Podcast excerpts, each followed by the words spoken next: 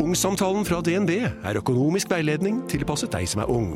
Bokk en ungsamtale på dnb.no. ung. Ok, det var jo en syk døll måte å forklare ungsamtalen på, da. En smart prat om penga mine, ville jeg sagt. Ikke sånn kjedelig økonomisprat, skjønner du.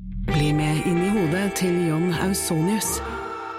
Bedre kjent som Lasermannen. Han nøt å se seg selv på nyhetene, men han var ikke fornøyd.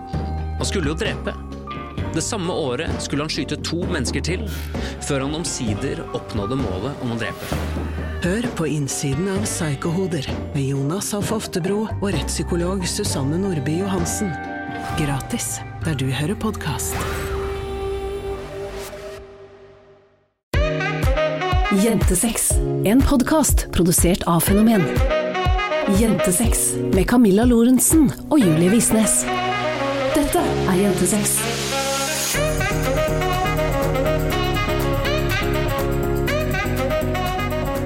Sammen, og velkommen tilbake til en ny episode av din favorittpodkast i hele verden og universet og alle galaksene, som er Jentesex. Her snakker vi om sex, seksualitet, samliv og selvfølelse oss jenter imellom. Og du møter meg, Camilla Lorentzen. Og meg, Julie Visnes. Og Julie, siden sist så har jo vi for første gang på veldig lenge faktisk vært litt sosiale. Ja, sosiale og sosiale. Vi har hatt den ene vennen vår på besøk. Ja, vi har jo bare én venn. Ja. Eller altså, vi har jo ikke har bare jo, én venn. vi har jo flere venner, men vi har bare én venn som er vår nærkontakt. Ja. Og det er jo Sølve. Ja. Og på, var det lørdag han var her? Mm. Og vi hadde altså tidenes sånn drink and wine night. Ja, det var skikkelig hyggelig, og jeg har tenkt det så intenst at jeg tror at vi må gjøre hver lørdag til drink and wine night. Ja, for det var altså så hyggelig. Jeg var så glad den dagen. Jeg kan ikke huske at jeg har smilt, ledd eller klina i smug så mye som jeg gjorde den lørdagen. Det var sånn Du klina ikke i smug. Nei, men litt i smug òg. Litt sånn han var, hver gang han var nede og han sa 'ikke noe fingring', så gjorde vi det. Vi ikke fingra ikke da, han men klina. Hadde kanskje vært litt intenst ellers. Men det var skikkelig hyggelig. Mm. Var du litt ekstra forelska den kvelden? Ja, men blir man ikke, eller i hvert fall jeg, blir alltid litt ekstra forelska når jeg er full. Det er liksom emotional, og så bare glemmer jeg hvor uh, Irriterende angsty og uh, PMS-y og alt mulig jeg egentlig var, og så bare hmm, love me, I love you. Betyr det da også at du er mer flørtete på- når du er full? Ja, Med andre òg? jeg tror jeg generelt har en ganske flørtete personlighet, hvis jeg skal være helt ærlig. Eller jeg vet ikke engang om det er helt ærlig, jeg bare reforteller det du har fortalt meg. Det du også fortalte, for vi spilte faktisk Jeg har aldri på lørdag, og da fortalte du det, det var et spørsmål Har du flørta med noen etter at du kom i et forhold? Ja, sa du. Nei. Og drakk. Det sa jeg ikke. Det sa du. Nei, Jo. det sa jeg vel ikke. Du sa også- Du sa nei. Nå skal du høre det som skjedde. Det som skjedde var faktisk at eh, Sølve spurte om det, og så spurte jeg ja, men gjelder det liksom fra man sier I do, som i fra man blir official? Og da sa Sølve ja, det gjelder fra man blir official, og da drakk jeg ikke likevel. Det var ikke sånn jeg forsto det.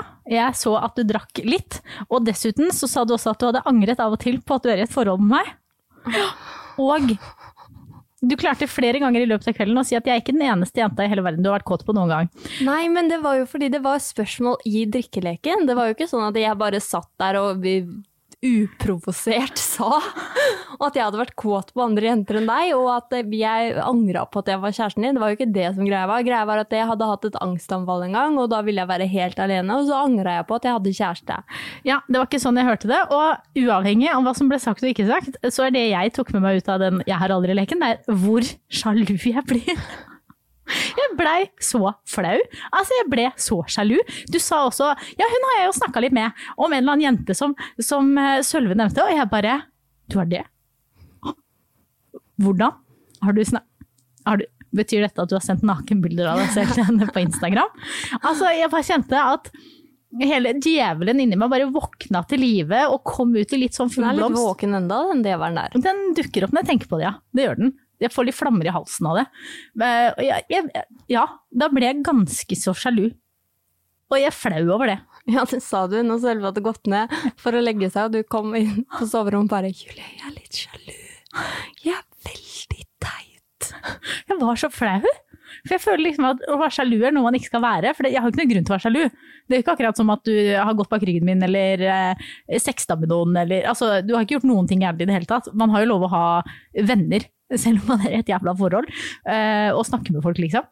Men jeg bare kjente at den derre ubegrunnede sjalusien allikevel våknet opp nedi magen min. Og det syns jeg var så jævlig flaut. Ja. Ja, det er altså, men hvorfor er det flaut? Fordi jeg kan jo kjenne på det jeg òg av og til, at jeg blir litt sånn mm, Hvis vi snakker om ekser, eller hvis vi snakker om andre personer du har ligget med, eller Så blir jeg litt sånn mm, På ekte? Må vi? Ja. Eller er det noe du finner på nå for at jeg skal føle meg bedre? Nei, jeg finner det jo ikke på, men jeg tror ikke det er så uvanlig sånn egentlig, og spesielt hvis man på en måte har blitt cheata på eller whatever, sånn som du har sagt i tidligere episoder før, så har man jo ofte en litt sånn uh, underliggende følelse. Så det du sier er at jeg er traumatisert fra tidligere forhold? Ja, mest sannsynlig. Det er det nok. Ja. Og apropos Skyld på det. Bare, Ja. bare bruk det Ja, som unnskyldning. vet du hva, det skal jeg faktisk. Fordi at da kan du få bort hele den der teit-følelsen du sitter med, og bare si mm, That's because I was cheated on. Ja, det kan jeg faktisk, og det skal jeg bruke for det det er verdt. Gjør det. Og apropos tidligere forhold, så har jo du eh, vært ute og vifta. Ja, ja. En liten fugl hviska til meg at en av våre ekser hadde en ny flørt, og da blir jeg jo altså så jævlig nysgjerrig. Så Og- da kom jo FBI-skillsa rett ut, vet du. Og ikke bare du, men jeg òg. Ja, altså, ja. og vi var begge to så nysgjerrige. Så vi brukte altså en hel kveld i forrige uke, i hvert fall 20 minutter, Jeg brukte 20 minutter. ja, på å finne ut hvem denne nye jenta var. Og jeg er ganske Flau. og overrasket over hvor raskt vi på en måte ut ifra followers og likes og bare kommentarer på Instagram klarte å snoke oss fram til hvem denne personen var. Det var jo ikke så vanskelig, men så tenker jeg, har vi en sånn innebygd FBI-agent som bare venter på å komme ut i alle sånne situasjoner? Fordi vi finner det jo alltid ut. Alltid. Og, det var ikke så vanskelig, men det var heller ikke obvious, skjønner du? Nei. Det var ikke sånn at noen hadde lagt ut et bilde av to personer, eller, eller noe. Det var bare liksom sånne små ting her og der. Som liksom vi, ja, som var liksom sånne ledetråder. Jeg følte at det var Cluedo i, i levende livet. Som vi bare liksom plukka ut her og der og fram og tilbake, satte sammen, fikk et puslespill, og bare mm, Dette er det som har skjedd. This is the girl. Og vi vet ikke engang om de er kjærester ennå. Nei, vi vet jo ingenting. Vi bare vet at vi har funnet riktig person. Og egentlig, Camilla, så vet vi ikke om det er riktig person. Det vet vi ikke. Vi har ikke fått det bekreftet noe sted. Nei, det har vi jo ikke. Men, men, men. Når dette blir bekrefta, så vet vi at det kommer til å være denne personen. Og da kan vi si dette visste vi for lenge siden. Ja. Og men det hvorfor har vi sånn der need, da? Til å finne ut av ting. Ja, Er det fordi vi er så sjukt nysgjerrige? Ja, fordi altså, en ting hadde jo vært hvis det var sjalusi, men det er jo ikke det som ligger bak, liksom. Eh, altså, her til sitter vi to jenter i et forhold, vi er jo kjærester, og finner ut av dette sammen. Altså, er det noe man får i et straight relationship? Nei. Hadde man sittet her liksom med guttekjæreste og bare nå skal vi finne ut av hvem den nye kjæresten til eksen min er, det hadde man ikke gjort. Nei. Nei. Så jeg tror det må være en sånn nysgjerrighetsgreie som bare ligger til bunn, og som gjør at vi Jeg vet ikke, og har vi også et sånn gen i oss som bare er veldig god til å finne ut av ting? Er det noe som kommer med det å være jente? Er det biologisk, eller er det arv? Miljø? Jeg vet ikke, men Gode er vi. gode er vi. Og vi kan fortelle dere at dette kommer til å bli bekreftet. Og den dagen det blir bekreftet, så skal vi si vi visste det. Og da skal vi oss sjøl en premie. Ja, Hva skal premien være? Mm, Wine and drink night. En drink night med Sølvi, da. Ja. Han får være med. Ja. Det er den eneste vennen vår. Ja. Og det kommer jo sikkert til å forbli den eneste vennen vår en god stund fram i tid. Mest sannsynlig ja. Fordi lockdown er jo nå et nytt faktum. Ja. Alt er stengt i Tønsberg. Ja, det er faktisk litt dritt. Fordi endelig så hadde vi liksom, eller jeg da, kommet meg på senteret to dager i uka. Og så var det nei, not for you anymore. Men i dag trente vi faktisk ute, og det var jeg stolt av meg selv. For vi har jo lagd en liten avtale, fordi eh, det er lov å si det, sant? Altså, Ja. Det er jo ikke til å stikke under stol, som jeg har lært meg at det heter, at eh, du har hatt en del angst i vinter. Mhm. Og det har vært litt tungt og tøft og nede. Og jeg føler at vi begge to på en måte har vært flinke til å si sånn, men det er ikke så viktig hva vi gjør. At vi, ikke, vi har ikke bygd hverandre opp, på en måte. Nei, ikke i det hele tatt. Så i går så bestemte vi oss for at enough is enough. Og nå skal vi begynne å bruke dagene på, på si, de tingene som gir deg energi. Og vi lagde en liste over på en måte, hva gir deg energi, hva tar energi, hva er det viktig for deg å bruke tid på. Og da var jo på en måte det her med å spise sunt og trene regelmessig noe som kom på toppen av lista. Og da bestemte vi for oss for at det er det også det vi må gjøre hver dag før vi bruker energi på noe annet. Ja, så i dag gikk vi faktisk tur på morgenen, og rett etter vi hadde gått tur, så gjorde vi en sånn liten sirkeltreningsstyrkesak, og jeg var stolt av meg selv. Og det føltes bra. Ja. Det føles jo ikke sikkert ut som at du er helt oppe og nikker fordi vi har vært flinke en dag. Nei, men jeg regner med at det kommer til å bli mer opp og nikker når vi har gjort det litt over tid. Ja, at det liksom blir en sånn kumulativ effekt som føles bra. Ja. Ja, så vi skal fortsette med det, og vi har også vært flinke i dag til å på en måte si at nå er vi ferdig med jobb. Mm. Her sitter vi og spiller en podkast, men nå ja, men det er det siste vi skal gjøre i dag. Ja, det er det. Og det er etter det så er vi ferdig med jobb, og da skal vi fokusere på andre ting. Og jeg tror at det er så sykt viktig eh, når det er litt tungt, da, når det er litt tøft, at man faktisk setter seg ned og lager en sånn prioriteringsliste, eller hva man skal kalle det. Ja, for det handler så sjukt om hva man prioriterer, og det er så lett å lage unnskyldninger av typen liksom 'Å, jeg har ikke tid', 'Å, det gjør ikke så stor forskjell', 'Å, la, la, la'. Men man må jo lage tid til de tingene som gjør at man har det bedre. bedre. Og jeg er så dårlig på det, men nå skal jeg bli bedre. Ja, og så skal vi bli bedre sammen. For jeg tror det er også viktig at jeg på en måte støtter og er med. Fordi det blir ikke så lett hvis jeg også sier nei, det, la oss bare droppe det. Da er det jo to som drar ned, Mm. istedenfor to som drar opp. Så jeg var litt streng Takk. Jeg var litt streng i dag tidlig, og det var lurt. Det ble bra. Det ble bra. Ja.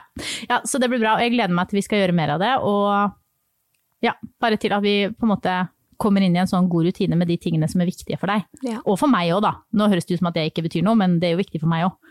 Så det blir bra. Nice, nice, nice. Er det vårt tips til alle der ute som har det litt tungt i disse dager? Ja. Å lage en sånn liten liste over ting som faktisk gir deg energi, Og og faktisk prioritere det. først. Ja, først, ja. Og så, vi eh, trente jo og gikk tur før vi en gang begynte med jobb i dag, og det var noe med det at på en måte fordi Oi, nå var det noe med det at på en måte fordi Jesus Christ. Um, hva skulle jeg si?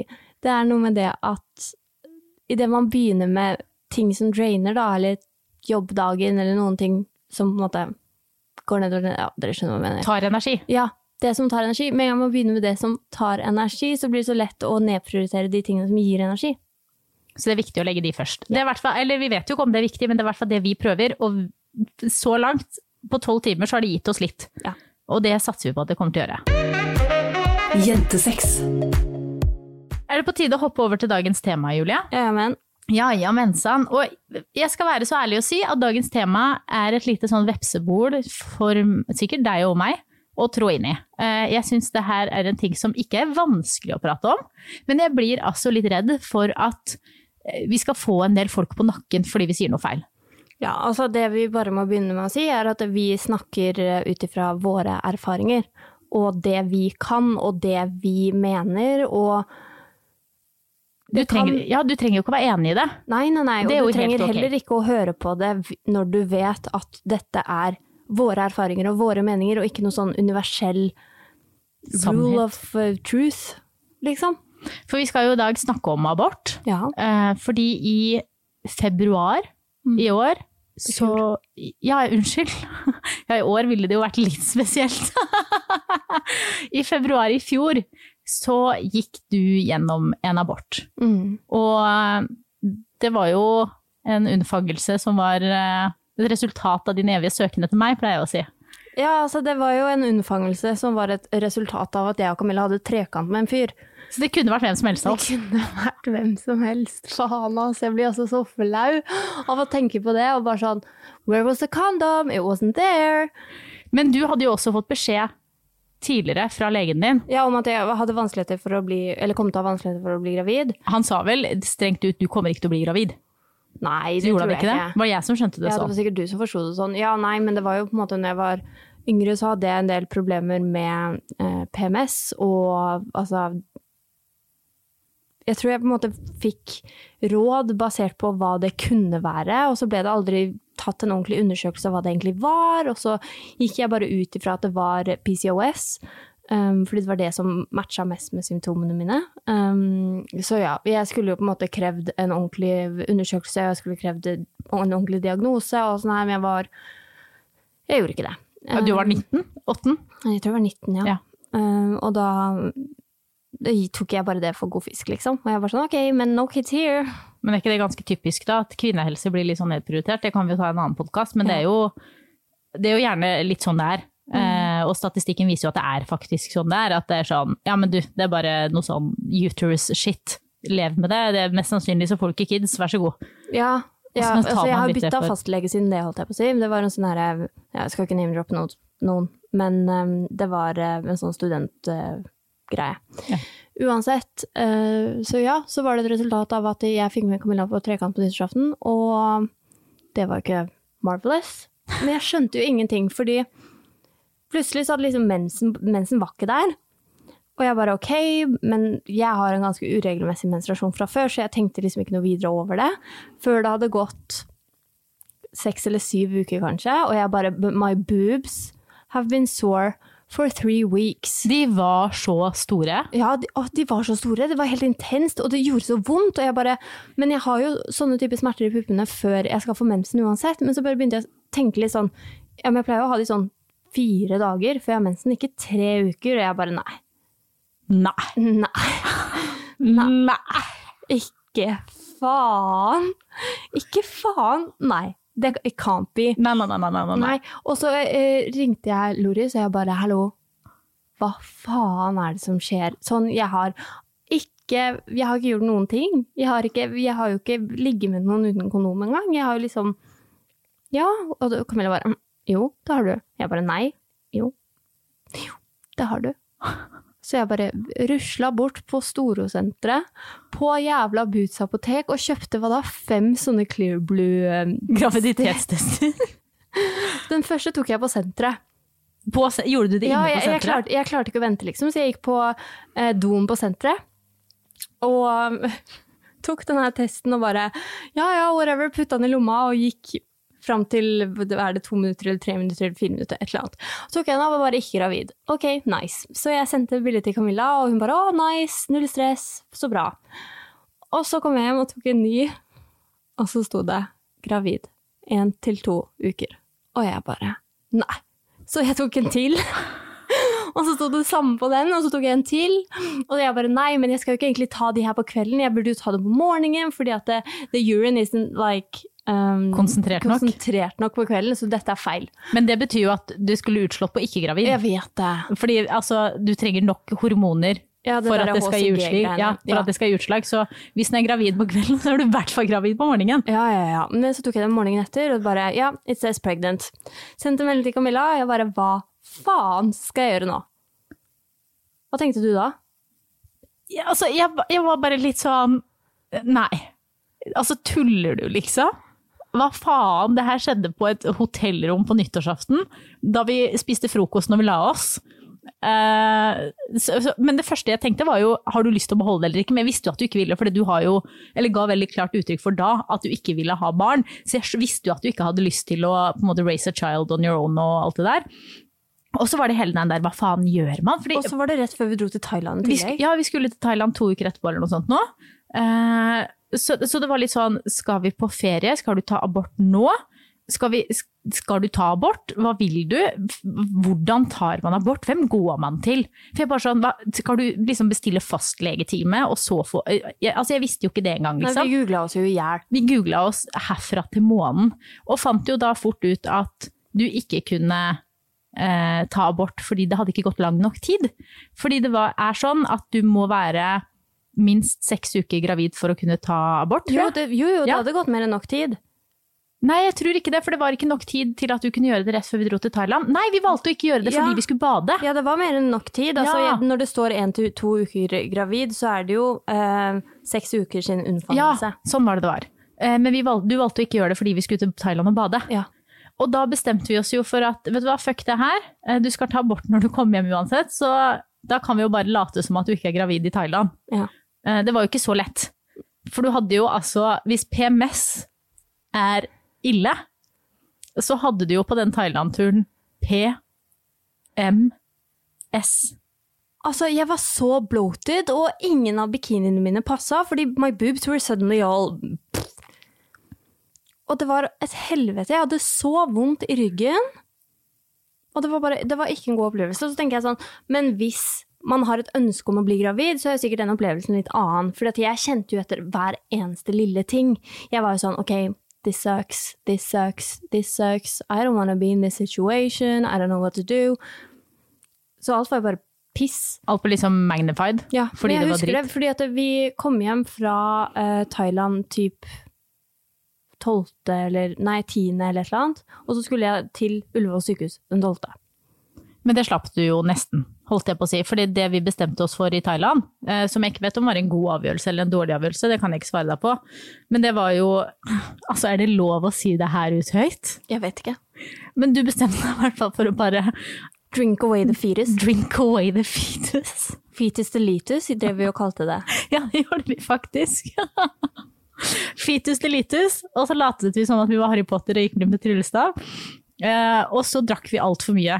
Sikkert. Altså Hadde du vært gravid hadde, og det hadde fortsatt, så hadde det blitt fosterskader herfra til månen. Um, fordi vi bestemte oss jo for å bare gjøre alt det som ikke skulle gjøres. Og så skulle du jo da ta abort den tolvte, men da hadde du allerede begynt på en spontanabort. Nei, altså greia var jo at vi var jo i Asker. Eh, og så gikk jeg på do tidlig på morgenen, og så var det litt blod i trusa mi. Og jeg bare ok, what the fuck is this? Ja ja, whatever, vi får bare dra dit. Eh, og så dro vi jo eh, ned dit. Og så kom jeg inn, og så sa de, for de tar jo sånn ultralydundersøkelse oppi tissen, um, og så så de den derre fostersekken, men det var ikke noe foster i fostersekken, så hun bare Enten så har du en sånn extra uterine Ja, graviditet utenfor livmor. Ja, enten så har du det, eller så har du en begynnende spontanabort. Så det er én av to. Så fikk vi sånne her lange eh, retningslinjer med sånn hvis det her eller det her eller det her, eller det her skjer, så må du ringe sykehuset med en gang, fordi hvis det er eh, Si det igjen. Graviditet utenfor livmor. Det er det det heter på norsk. Graviditet utenfor livmoren, så kan det være skikkelig farlig. Eh, Og jeg vet om Matilda Djerv har vært ganske åpen om sin sånn graviditet utenfor livmoren på Instagram, eh, og hennes eh, gikk jo nesten til helvete. Um, så det er it's a serious thing, og jeg tror det også er noe vi trenger å måte, få opp og fram, da. Og altså ikke vi som personer, liksom, for jeg har ikke vært gjennom det, for det viste seg å være en spontanabort, men det er faktisk noe som kan skje. Jeg tror ikke det er så mange som vet om det. Nei, og du var jo veldig redd Ja, jeg var kjemperedd. da vi kom hjem, fordi eh, vi fikk jo beskjed på sykehuset, jeg var jo med deg, eh, om at du ikke skulle være alene. Så du ble jo med hjem til meg eh, i mitt havarerende ekteskap, holdt jeg på å si. Det kan vi jo ta en annen gang. Eh, men i hvert fall eh, så var du jo Altså, du ble jo på en måte forlatt med den tanken om at det her kan være skikkelig farlig. Samtidig som at det å ha en spontanabort også var veldig vondt. Sånn at hver gang du hadde rier, eller hva man skal kalle det for noe, så var du jo redd for at det skulle være noe farlig, og jeg var jo dritredd for at det skulle være noe farlig. Og det var mye grining, og altså Det var ikke en veldig god situasjon å være i. da. Det å ta en abort i seg selv er jo ikke kult. Nei, men jeg fikk jo heller ikke med meg noe smertestillende eller noen ting hjem. Eh, Jeg fikk jo bare beskjed om å, om å ta kontakt hvis det ble helt jævlig, og det tror jeg var fordi at hvis det gjorde vondt vondt, så skulle jeg kjenne det. Sånn at vi faktisk fikk ringt ambulansen, da. Men det var jo veldig vanskelig å vite om det var vondt, vondt Ja, jeg eller syns det var dritvanskelig. For det var vondt. Ja. Du sa jo sjøl at det her er noe av det verste jeg har vært med på. Sånn smertemessig, og du har brukket ryggen. Ja, ja, det var helt eh, jævlig. Og det, altså, når jeg satt på do der, og det kom altså sånne klumper med greier ut av tissen min, og jeg, jeg klarte liksom ikke noe annet enn å sitte på do, og jeg TMI, men bæsja og tissa, og det kom ting ut av tissen min om hverandre, og det var bare det var bare helt jævlig. Og så tror jeg sikkert også det ble på en måte ekstra vondt fordi jeg var så redd for at det skulle være noe farlig, og derfor kjente jeg så innmari etter all vondten også. Det var ikke sånn at jeg på en måte turte å, å stenge noe av det ute. Ja, det gir mening. Hvordan var det for deg? Nei, jeg var jo bare veldig redd for at det skulle være farlig. Eh, fordi jeg kan, ikke, altså jeg kan jo ikke kjenne på din smerte. Det er jo kanskje en av de tingene som er eh, rart med å være pårørende, eller hva man skal si. At jeg kan jo kun forholde meg til det du sier om at det er vondt, og jeg vet at du har høy smerteterskel. Eh, det er ganske mye som skal til, bortsett fra når vi er på massasje, at du på en måte sier høyt 'dette gjør vondt', og jeg har skikkelig vondt. Det gjør du ekstremt sjeldent. Så da du i på en måte flere timer sa at dette gjør så vondt, jeg klarer så vidt å gå, eh, jeg vil bare grine, jeg vil bare sitte på do, så var jeg sånn, skal vi ringe ambulanse, skal vi ringe ambulanse, skal vi ringe ambulanse, skal vi ringe ambulanse? Fordi for meg når du har det vondt, så er det vondt.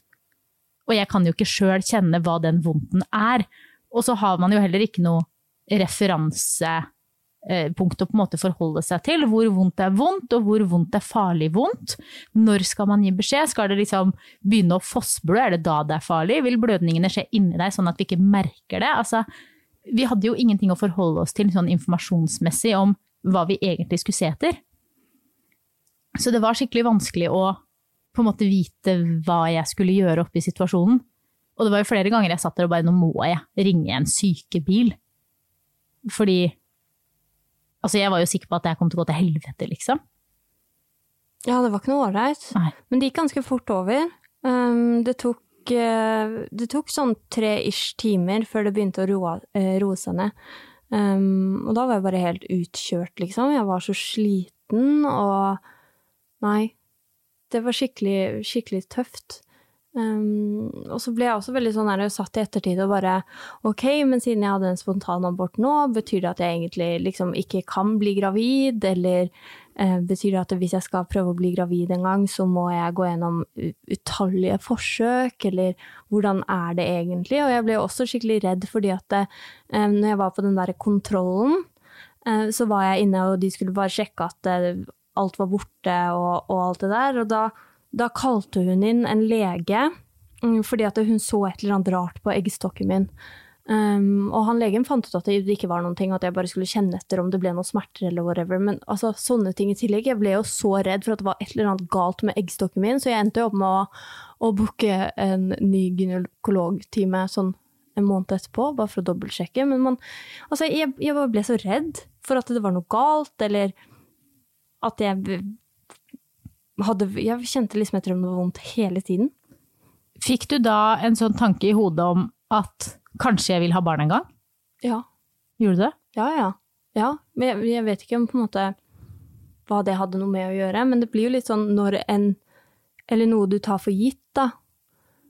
Um, plutselig blir en sånn oi, shit, tenk hvis ikke. Så begynner man jo å tenke litt. Tenk hvis jo- jeg vil. Ja, for du har jo fram til det punktet sagt veldig tydelig at jeg vil ikke ha barn. Ja. Men det forandra seg litt, på en måte. Jeg tror egentlig det forandra seg når jeg ble sammen med deg, hvis jeg skal være helt ærlig. Um, jeg tror det med å ha lyst på barn er veldig avhengig av hvem man har lyst på barn sammen med. Og jeg hadde aldri møtt noen som, som var en potensiell medforelderkandidat. Um, så jeg hadde heller ikke klart å måte tenke gjennom at det var en mulighet. Fordi at jeg, jeg hadde aldri kjent på den der følelsen om at dette er en person jeg vil være på team med til å raise a child. Ja, det kan jeg kjenne meg holdt på å si veldig igjen i, fordi jeg har jo vært veldig fram og tilbake med barn. Jeg har jo fra jeg var liten tenkt at jeg skal bli mamma, eh, men det er jo kanskje litt de forventningene eh, samfunnet på en måte stiller, og det du på en måte er oppvokst og tenker at du skal ville. Um, og så var jeg jo litt midt i 20-åra da jeg begynte å liksom vurdere hva om jeg ikke har lyst på barn. Og så ble det en helt sånn motstand i meg mot å få barn, for jeg ble så redd for at liksom, tiden min skulle bare forsvinne til et annet menneske, at jeg ikke skulle eh, få mulighet til å gjøre de tingene jeg vil i livet, og at jeg på en måte måtte sentrere livet mitt rundt et barn. da. Sånn at jeg bare tenkte nei, det vil jeg i hvert fall ikke. Og det var kjempelenge hvor jeg tenkte at å få barn, det kan du bare hoppe og drite i. Jeg skal ikke ha barn. Aldri. Aldri noensinne. Jeg vil ikke ha det. Eh, Jeg har ikke lyst til å ofre hele mitt liv for det. Mens nå igjen så er jo jeg også der at jeg på en måte føler at vi er et så godt lag at kanskje noe av det fineste i verden ville vært å på en måte få en baby med deg. Et godt råd fra Apotek 1. Når du skal kose deg i solen, er det viktig med god solbeskyttelse. Hodeplagg og skygge hjelper, men vi trenger også solkrem. Vi har ansiktssolkremer tilpasset ulike hudtyper. Har du f.eks. tørr, fet eller normal og kombinert hud, finner du solkremer spesielt tilpasset deg og ditt behov. Kom innom og få råd på ditt nærmeste Apotek 1, eller chat med oss på apotek1.no. Apotek 1. Vår kunnskap, din trygghet. Ungsamtalen fra DNB er økonomisk veiledning tilpasset deg som er ung. Bokk en ungsamtale på dnb.no. slash ung. Det er kjempebra hvis du skal inn på boligmarkedet, hvis det er drømmen din, liksom. Det er det du skulle sagt. Og så kunne du ropt litt mer, da, sånn som jeg gjorde. Bam! Oh. Men hvis vi skal gå litt tilbake til liksom abort. Fordi abort er jo en ting som mange har en mening om. Um, og du har jo på en måte alt fra de som er ekstreme motstandere. Nå har jo jeg googla rundt på internett altså, og kommet inn på noen sånne sider hvor eh, helsearbeidere ble ansett som drapsfolk fordi de eh, utfører en abort, til at eh, man må leve i synd resten av livet, og det djevelens verk å innføre abortloven. Til de som på en måte er for at abortlovgivningen skal utvides til utover de tolv ukene hvor det er selvbestemt abort i Norge. Og hold på å si, hvordan er ditt forhold til abort sånn egentlig? Altså, jeg tror jeg er ganske Når det gjelder alt at folk skal få lov til å gjøre det de ønsker. Um, om du ønsker å ta abort, så skal du selvfølgelig få lov til det, og ønsker du ikke å ta abort, så trenger du ikke det. Men jeg syns definitivt, og syns det er helt horrendous at noen kan mene at det ikke skal være et alternativ. At du ikke skal kunne ha valgalternativet. Altså, for å sette det helt på spissen, så har jeg snakka om overgrep i noen eh, episoder tidligere, og tenker at altså, jeg vet jo at overgrep er et ekstremt stort problem, og det er jo ikke sånn at man er fritatt fra å bli gravid mens man blir voldtatt. Skal du da være tvunget til å raise that child? Ja, eller bære det fram og adoptere Ja, bære det fram og adoptere det. bort. Altså, du skal jo Du skal ikke være tvunget til det. Du skal jo ha et valg, og din kropp Du skal få bestemme over din egen kropp. Det er på en måte hovedbudskapet i det, det jeg prøver å få fram her, er at vi må få lov til å bestemme over vår egen kropp.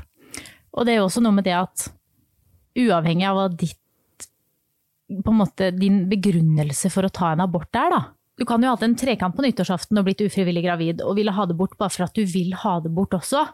Og uavhengig av hva som på en måte er årsaken til at du har lyst til å ta en abort, så skal du få lov til å gjøre det.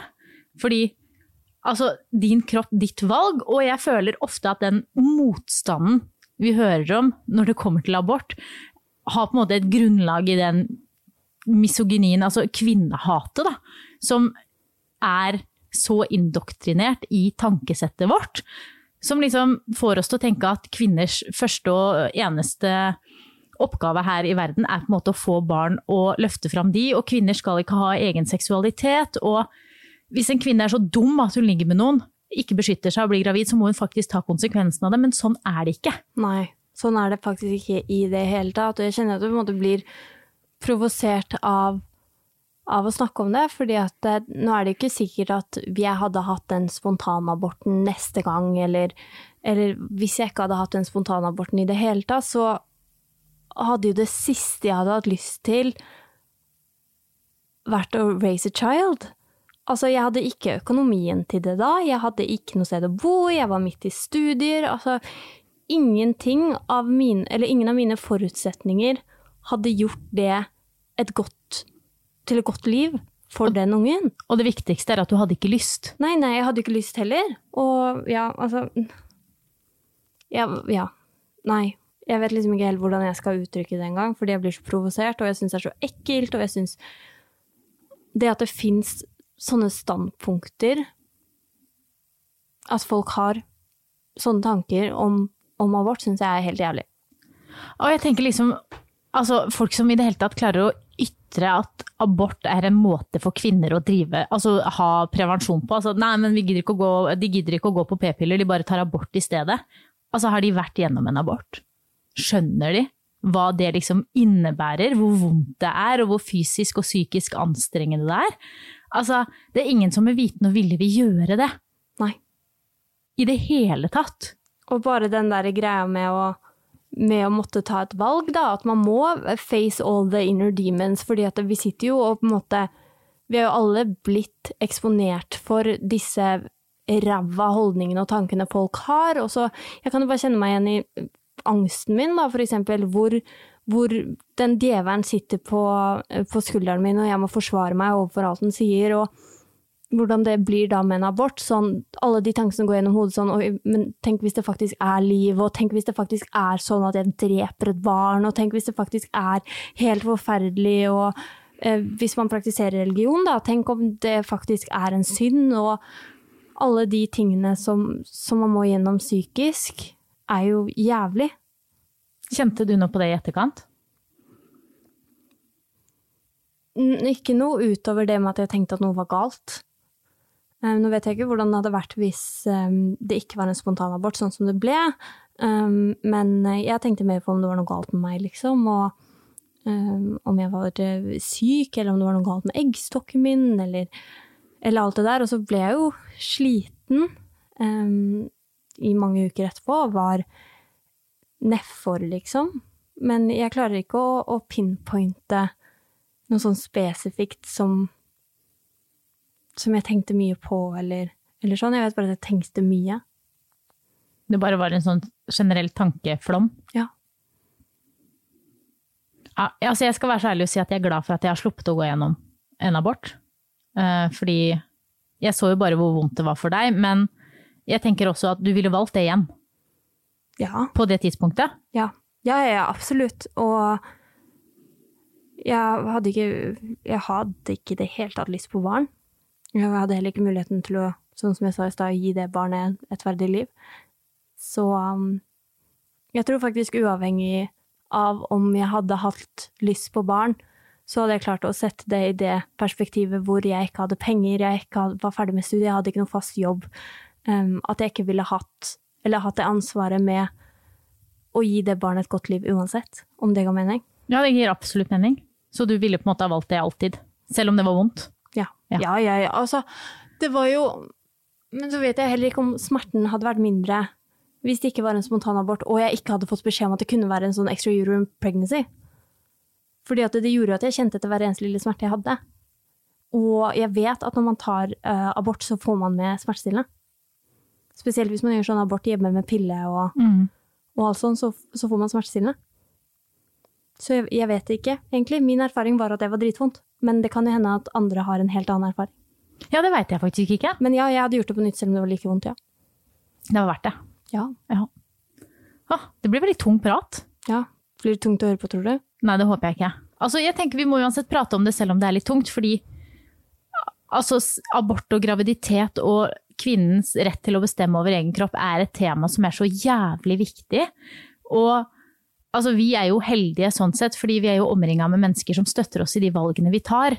Men jeg kan jo bare se for meg hvor vanskelig det skal være å ta et sånn type valg hvis du ikke har den støtten rundt deg. Hvis du er oppvokst i en familie som ser på abort som Satans verk, eller eh, hvis du ikke har noen å prate med, med rundt det her, eller du ikke på en måte har den støtten som man kanskje trenger, da, uavhengig av den fysisk, nei, psykiske belastningen, så er det jo en fysisk belastning.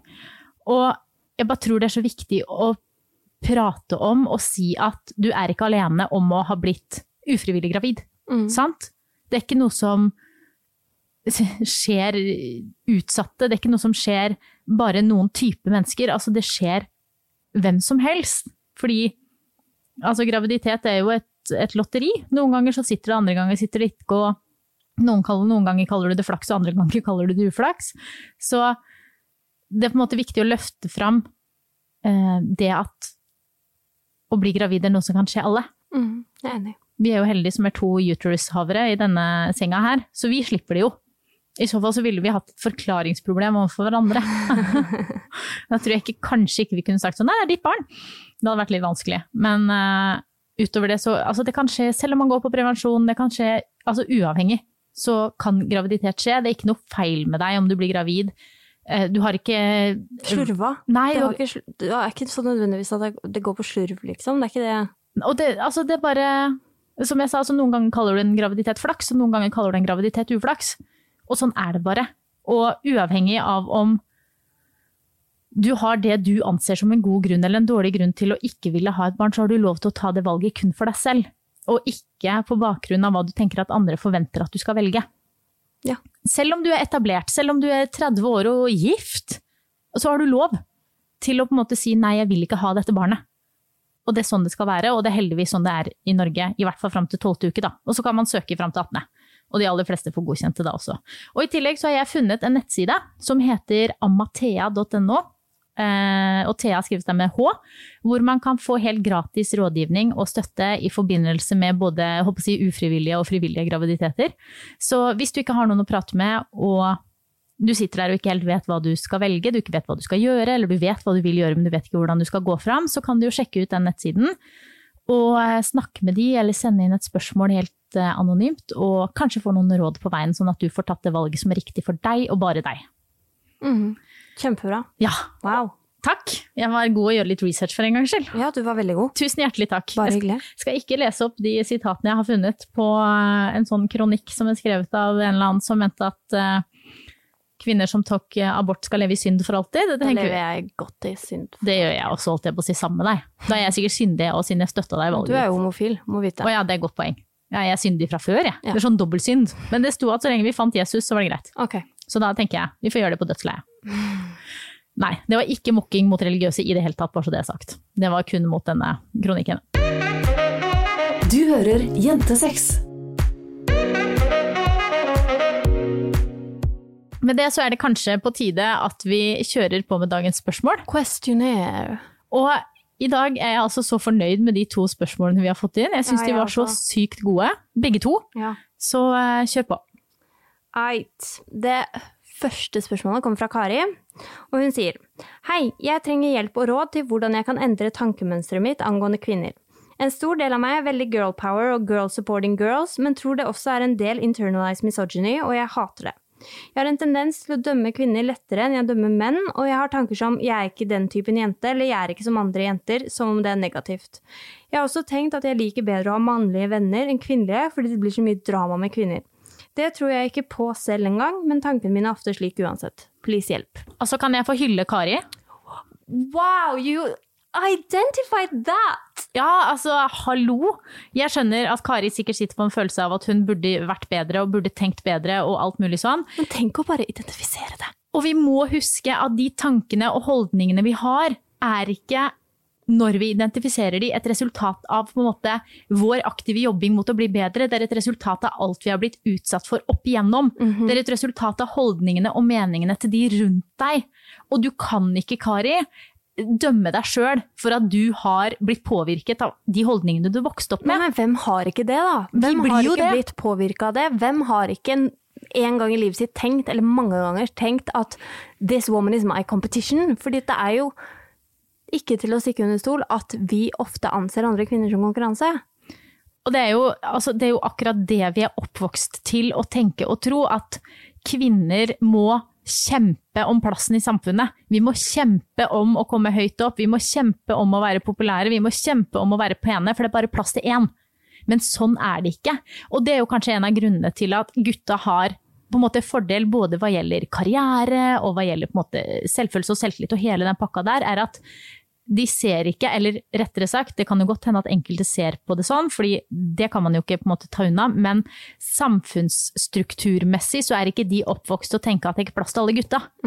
Mens vi er oppvokst til å tenke at det er ikke plass til alle jentene. Skjønner du litt hva jeg mener? Ja, ja, ja, og jeg skjønner absolutt hva du mener. Og, og jeg syns det er så fint at det har blitt et tema, fordi at nå er det jo flere og flere som snakker om det her, og det blir lettere og lettere å identifisere det i oss selv.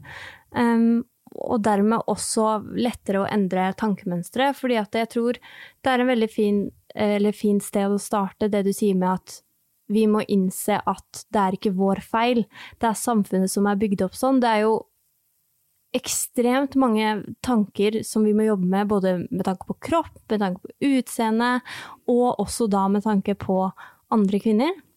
Ja, og vi Altså, jeg tror ikke vi må la oss selv bli demotiverte av at de tankene og holdningene finnes der. Vi må heller motiveres av at ok, jeg har identifisert dette i meg selv, jeg vet at jeg er sånn, nå skal jeg jobbe mot å forandre det.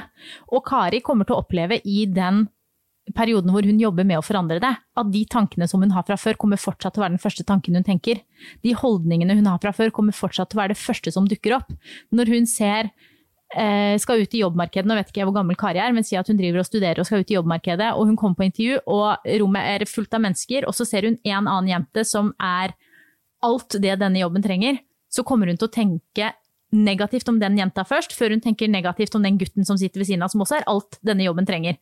Det betyr ikke at Kari gjør noe gærent. Nei, og så tror jeg også vi må snakke litt om det der med å, å endre tankemønsteret, fordi det, det er ikke gjort på en dag. Noen ganger så er det ikke engang gjort på et år. Det er konstant jobbing med å, å snakke mot den, altså den tanken du får først. Ja, og jeg kan jo bare sammenligne det med meg selv eh, i den perioden hvor jeg hadde et ekstremt lavt selvbilde, som hittil i livet er ca. 80% av livet mitt, så det er ganske mye. Men da hadde jo jeg en tendens til å se andre kvinner og så dømme de på bakgrunn av hva de hadde på seg, hvordan de så ut, hvordan de hadde sminket seg, hvordan de bevegde seg, og på en måte peke på det inni mitt eget hode for å løfte meg selv opp. Sant? Eh, Jeg så på meg selv som for stor, og derfor så hadde jeg også en tendens inni hodet mitt til å på en måte Ja, men hun er større. Ja, men hun går i trangere klær. For å på en måte eh, forklare overfor meg selv at det ikke var så gærent det jeg gjorde likevel. Og den jobben jeg måtte legge med for å gå bort fra det der, og istedenfor tenke hun ser fantastisk ut i den kjolen, hun får lov å gå med hva faen hun vil, hun får lov å eie den kroppen hun har, den var så lang. Og det tok så mye tid, og den tanken som var på en måte den første tanken, som var 'den kjolen er for trang', dukket allikevel opp som første tanke igjen og igjen og igjen og igjen. Og jeg måtte prate imot den igjen og igjen og igjen og igjen. Og nå går det på automatikk at den første tanken jeg tenker er 'hun er flott'. Og det har tatt hva? Fire år? Ja, altså det som har hjulpet litt for meg, er den derre å, å endre den um, Altså, fordi istedenfor å bygge videre på det, så har jeg alltid tenkt sånn Hva har jeg hatt lyst til, eller hva Hvorfor klarer jeg ikke å snakke i dag? Um, hva hadde jeg hatt lyst til at denne personen skulle si om meg? Ja, hvordan da? Sånn, hvis jeg ser en dame da, som eh, rocker, colorful outfit, colorful hair, pretty makeup, alt det der, og så istedenfor liksom, oi, intenst, så er det sånn, ok, men hvis jeg hadde hatt meg på det der, og noen hadde kjørt forbi meg, så ville jeg at hun skulle tenke slay, så tenker jeg slay, Du liksom bytter ut tanken med det? ja. Ja, det er også et skikkelig godt tips. Så jeg tror bare Kari må, må slutte å være så demotivert av sine egne tanker og holdninger, og vite at disse er ikke noe som stammer fra henne, men det er noe som stammer fra omgivelsene. Og så leste jeg her om dagen at eh, du er, hva da, et millisekund fra å ha blitt født som en Trump-supporter. Fordi vi bestemmer ikke hvilke surroundings vi er født i. Sant? Vi, har, vi, vi har ingen påvirkningskraft hva gjelder det. Og du kan ikke fordømme deg selv for at du er født inn i det du er født inn i.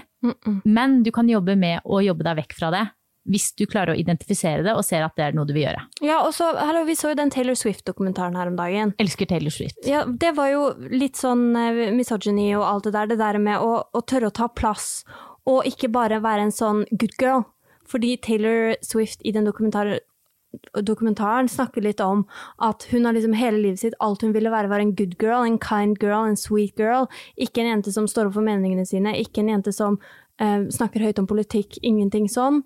Eh, og hvor det kommer fra, og at hun faktisk endrer på det. Fordi at eh, hun gikk gjennom over, overfall sexual, sexual assault. Ja, øh, seksuell trakassering. Ja. Um, og det endra på en måte noe i henne, om at hun måtte speak up og ta plass og alt det der, og hvordan Ja, jeg babler, men se dokumentaren. Den var veldig fin, faktisk. Så det var våre tips til Kari. Eh, ikke slå deg sjæl, og se dokumentar til Taylor Swift. Pluss, du er god, og det kunne vært verre, du kunne vært en Trump-supporter. Really? All right. Neste spørsmål kommer fra Ina, og hun lurer på Har lenge tenkt på en ting. Da jeg var i et fast forhold med en mann, så elsket jeg å bli gått ned på, og det er min enkleste måte å komme på og virkelig nyte. Men selv syns jeg det er ubehagelig ekkelt å suge penis. Situasjonen er klein, og jeg syns det er ekkelt å få sæd i munnen. Jeg liker det virkelig ikke. Men kan jeg da forvente at han skal gå ned på meg, når jeg egentlig ikke vil det samme på han? Han ga også uttrykk for å nyte å gå ned på meg. Regner med det er flere enn meg som opplever det samme. Takk for Superpod og stor klem. Altså det første jeg tenker er at det er lov å sette grenser for seg selv, og alt trenger ikke alltid å være likt. Skjønner du litt hva jeg mener? At Ina har på en måte fullstendig lov til å si 'jeg liker ikke å suge pikk', men samtidig ikke si 'og du kan ikke slikke meg da', fordi da blir det urettferdig. Altså, han har jo også lov til å sette grenser for seg. Det er klart at Hvis hun er i et forhold med en mann i framtiden, eh, og hun ikke liker å suge pikk, og han ikke liker å slikke, så må jo det være greit fra begge parter. Og hvis han har lyst allikevel, så er det også ok. Ja, altså, det blir litt som en sånn her eh, situasjon hvor alle skal ha eh, lik mengde mat, uavhengig av hvor sulten man er. Det er jo ikke sånn at det er urettferdig at du får en større porsjon med mat enn meg hvis du er mer sulten, og Nei. jeg ikke er like sulten som deg. Altså, Og i tillegg så er det jo litt sånn at altså, samtykke gjelder jo på en måte ikke bare når det kommer til sex, ja eller nei, men det gjelder også på en måte når man har sex. Og du skal ikke føle deg tvunget til å utføre noe på en annen hvis du ikke er komfortabel med det, bare fordi du har fått det sjøl. Nei, nei, nei, ikke i det hele tatt. Og så tror jeg også det er noe med at vi føler en sånn forventning om at han gikk ned på meg, så da skal jeg også gå ned på han, som en sånn given rule, uten at det har vært et, et spørsmål eller et tema eller noen ting han har uttrykt at han ønsker. Så har det liksom blitt Bare forventa. forventa likevel. For det er, ikke, altså det er jo ikke sånn sex funker. Sex skal jo være deilig for begge parter. Og det er det jo hvis begge kan gjøre det de er komfortable med, og samtidig nyte det som blir på en måte gjort med de av partneren sin. Altså jeg tenker at jeg har bare et superkort svar til Ina, som er at du skal ikke føle på det. Du må stole på at partneren din klarer å sette grenser og ta initiativ til det som er riktig for han. Og så må du samtidig sette de grensene og ta initiativ for det som er riktig for deg. Ja, og så må du tørre å, å la være. Um, fordi det er ikke sånn at, sånn som jeg sa, at du må gå ned på han bare fordi han går ned på deg, og du, du kan prøve en gang å la være, og hvis det blir tatt opp på noen som helst måte, så må du bare uttrykke det du føler, og si sånn, vet du hva, Eh, your dick is fucking fantastic, men jeg liker ikke å suge pikk. Og sånn er det bare. Og sånn er det, og jeg, altså, hele den situasjonen er ekkel for meg. Jeg liker ikke å ha sæd i munnen, jeg liker ikke å ha penis i munnen. Det bare, det ødelegger sexen for min del, og hvis partneren din digger deg, noe han åpenbart gjør fordi han er partneren din, så kommer han til å synes det er helt ok, og det er jo ikke sånn at Da, får, da nekter jeg å slikke deg. ja, nei, det er jo ikke sånn det blir. Og man vil jo at partner skal ha det digg. Og hvis du da eksempel hadde sagt du, jeg blir skikkelig kvalm, og det er ikke digg å slikke deg, liksom, så hadde det vært sånn ok, men jeg vil at sex skal være like bra for deg som det er for meg, så det går helt fint. Og for meg er det digg å slikke deg, så Tusen takk. Det setter jeg pris på. ja, nei, vet du hva, du skal ikke føle på det i det hele tatt. Vi skulle sikkert ha utdypa det her mer, men jeg bare kjenner at det hadde bare sånn kort svar. Vi har lov til å sette grenser, men vi har også lov til å ta imot. Og du må ikke gi for å kunne ta. yes. Og med det så sier vi takk for i dag, og vi høres igjen om en uke. Vi håper at dere går inn i iTunes, gir oss fem stjerner og legger igjen en hyggelig kommentar. Og følger oss på Instagram på kontoene at Julie E. Visnes og Camilla Lor. Yes, Vi høres! vi høres. Du har hørt Jentesex med Camilla Lorentzen og Julie Visnes. En podkast produsert av Fenomen. Ungsamtalen fra DNB er økonomisk veiledning tilpasset deg som er ung. Bokk en ungsamtale på dnb.no. ung. Ok, det var jo en syk døll måte å forklare ungsamtalen på, da. En smart prat om penga mine, ville jeg sagt. Ikke sånn kjedelig økonomisprat, skjønner du.